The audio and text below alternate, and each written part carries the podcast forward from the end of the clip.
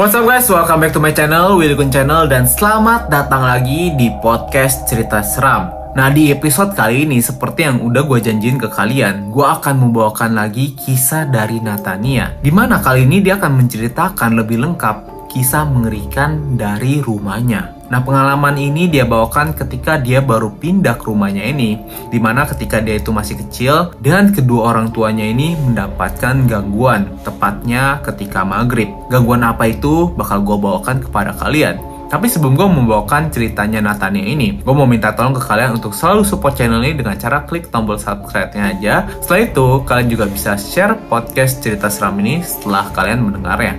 So, langsung aja gue akan membawakan kisah dari Natania. Let's go!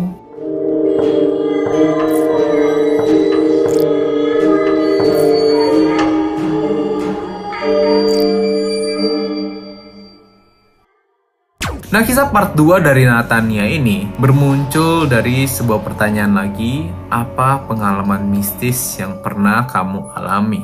Nah, dia langsung saja menjawab, Halo, Kali ini saya ingin bercerita tentang pengalaman keluarga saya sendiri di rumah dan sekitarnya. Sebelum saya juga sudah cerita di mana di part yang satu, mohon maaf jika gaya penulisan saya masih berantakan karena baru kedua kalinya saya menulis. Saya adalah anak pertama dari tiga bersaudara. Adik saya yang pertama sekarang berumur 19 tahun dan adik saya yang kedua berumur 15 tahun. Saya sendiri hanya beda tiga tahun dari adik saya yang pertama. Tahu kan umur saya berapa? Hehehe. Saya sekeluarga tinggal di suatu perumahan klaster di daerah Tangerang. Awalnya, ayah dan ibu saya tinggal di Jakarta, tapi karena saat itu mereka masih tinggal bersama ibu dari ayah atau yang disebut dengan nenek saya. Akhirnya ibu dan ayah memutuskan untuk pindah dan dapatlah rumah di daerah Cipondo, Tangerang. Mereka pindah ke rumah ini pas saya sudah di dunia.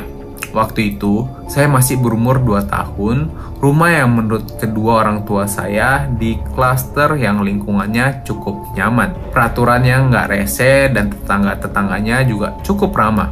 Rumahnya nggak kecil dan cukup luas juga.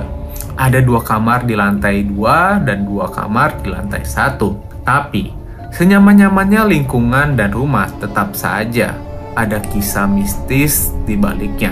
Awal kami pindah gak ada hal-hal aneh. Di rumah masih aman-aman saja sampai setelah adik pertama saya lahir dan kedua orang tua saya jadi tahu apa yang gak boleh dilakuin saat maghrib menjelang di daerah perumahan ini. Tepat di depan rumah kami ada taman yang luas. Taman ini biasa dipakai buat tempat bermain anak-anak dan acara kecil-kecilan seperti pemilu dan acara 17-an. Nah, di taman itu ada pohon yang besar banget. Saya lupa beringin atau bukan. Pokoknya setiap saya main di taman itu ada azan maghrib sudah berkumandang pasti ibu langsung menyuruh saya untuk masuk dan langsung dimandiin. Terus gak boleh keluar-keluar lagi. Tapi di satu waktu saya merasa lagi bandel-bandelnya. Waktu itu jam 6 sore udah cukup gelap. Saya dan teman-teman komplek masih aja main. Sudah azan dan ibu saya belum memanggil. Mungkin lupa. Namanya anak-anak kalau belum dipanggil berarti mainnya belum selesai. Sampai akhirnya jam 6 sore lewat ibu saya baru keluar dari rumah dan langsung menyuruh saya pulang. Anak-anak lain yang ngeliat ibu saya datang juga langsung ikutan pulang. Memang harus ada orang tua yang nyuruh dulu baru pada masuk di dalam rumah. Ibu mengomeli saya katanya kalau udah gelap langsung masuk aja nggak usah nunggu disuruh dulu. Saya yang tadinya nggak mendengar langsung diam saat ibu saya ngomong di pohon yang gede itu ada setannya. Kamu mau? Nanti digangguin terus diculik. Dan ya, yang ditakutin sama saya dan ibu terjadi. Di tengah malam, adik saya menangis. Tangisannya ini keras, gak seperti biasanya. Ibu berusaha memberikan susu untuknya, tapi tetap sama saja. Malah adik saya nggak mau. Saya sampai kebangun waktu itu dan ibu hanya menyuruh saya untuk tidur lagi. Saat itu, saya tidur bersama ayah dan adik saya yang kecil bersama ibu di kamar belakang. Ibu dan ayah saya kebingungan karena tumben adik saya begini. Biasanya dia tenang-tenang aja tiap malam. Sampai pada akhirnya, ibu merasakan hal yang tidak wajar saat adik saya meminta keluar kamar. Tentu aja, permintaan adik saya gak diturutin sama ibu. Akhirnya, ibu dan ayah berdoa tengah malam agar adik saya dijauhkan dari mara bahaya dan gangguan yang ada. Sejam kemudian, Adik saya kembali tenang dan tidur seakan-akan gak pernah terjadi apa-apa. Ibu baru memberitahu saya apa yang terjadi sama adik saat saya udah lumayan besar. Seingat saya pas saya sudah menginjak kelas 6 SD. Kata ibu, adik ketempelan penunggu pohon besar di taman dekat rumah. Saya bertanya, kok bisa? Padahal kan saya yang main di taman itu. Ibu saya menjawab, awalnya nempel di kamu. Tapi pas penunggunya ngeliat anak kecil, dia jadi pindah karena anak kecil lebih memikat. Makanya, mama bilang, kalau udah mendekati maghrib, langsung masuk aja. Saya bergidik saat tahu ternyata seperti itu. Gak lama, saya lupa apa alasan yang benernya. Pohon besar itu ditebang karena permintaan orang-orang di komplek itu. Ada yang bilang sih takut rubuh karena udah terlalu besar. Ada yang bilang juga suasana taman jadi seram karena pohon itu. Kata ayah, pas proses penebangan gak ada kesulitan alias lancar-lancar aja. Tapi, si penunggu pohon pindah ke rumah kami. Iya, dia pindah berdiam di tempat jemuran di lantai atas. Bagaimana saya dan keluarga bisa tahu? Nah, satu, kata satpam yang suka jaga keliling kompleks saat malam. Si penunggu ini suka terlihat berdiam diri di depan rumah saya. Wujudnya perempuan, berambut panjang, dan memakai blus putih panjang. Kadang saat malam gerimis, perempuan ini suka jalan dari depan rumah ke ujung komplek yang dibatasi oleh portal ke klaster sebelah. Lalu pas dilihat lagi, perempuan itu udah hilang. Nah yang kedua, perempuan ini juga suka keliling komplek, tukang nasi goreng keliling, dan sapamlah saksinya. Kadang diiringi suara tertawa sekilas-kilas. Nah yang ketiga, perkataan seorang teman dan orang-orang pintar yang datang ke rumah. Di rumah saya ada sosok perempuan yang paling dominan di antara lainnya. Yang lain berwujud laki-laki dan laki-laki siluman. Tapi mereka datang pergi nggak menetap. Nah yang keempat, saya dan adik pertama saya mengalami gangguan yang cukup menyeramkan dari perempuan ini. Seakan-akan dia mau menunjukkan bahwa dia ada. Adik saya sering bermimpi seram tentang seorang perempuan, mukanya pucat dan di mimpinya hanya tertawa-tertawa saja.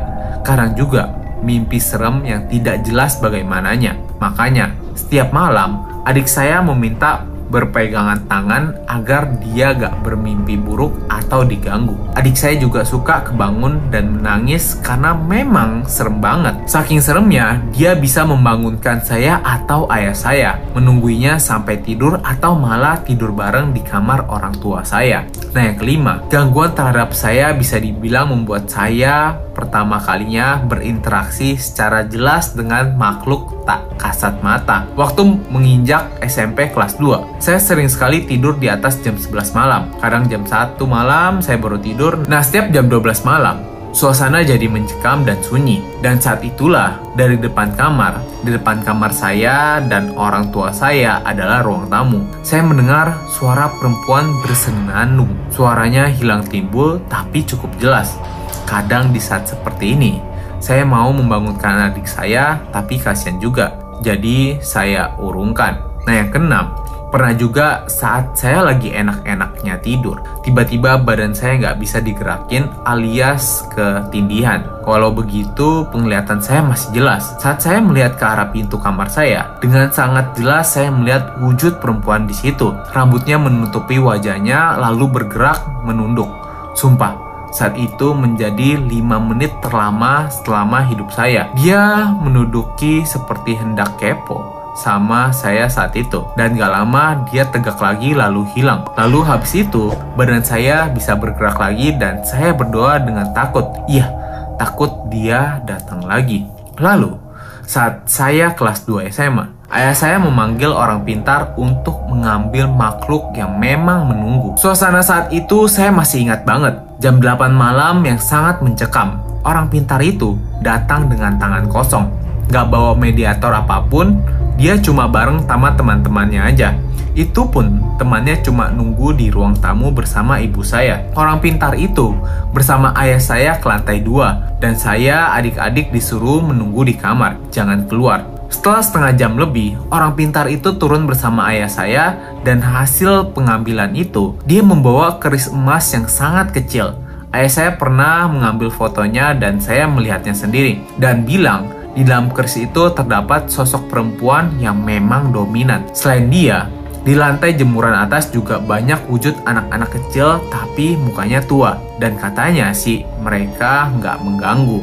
Orang pintar itu juga datang ke kantor ayah saya karena ada gangguan yang bisa dibilang mengancam nyawa karyawan di sana. Akan saya ceritakan lain waktu. Sampai sekarang kondisi rumah saya jadi lebih adem, nggak ada aneh-aneh lagi, tapi masih ada cerita-cerita tentang klaster tempat saya tinggal yang bakal saya ceritakan di lain waktu. Salam.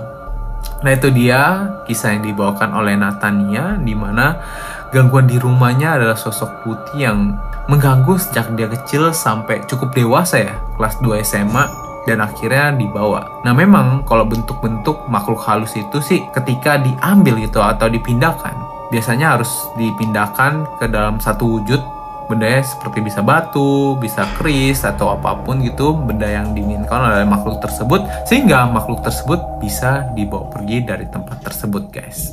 Nah gimana? Kalian ada gak sih kisah atau pengalaman yang seperti ini. Kalau kalian ada pengalaman mistis yang mau kalian ceritakan, kalian bisa langsung aja DM di Instagram gue di Willikun dan pastinya akan gue bawakan di podcast cerita seram ini. Nah itu dia podcast cerita seram episode kali ini yang telah diceritakan oleh Natania.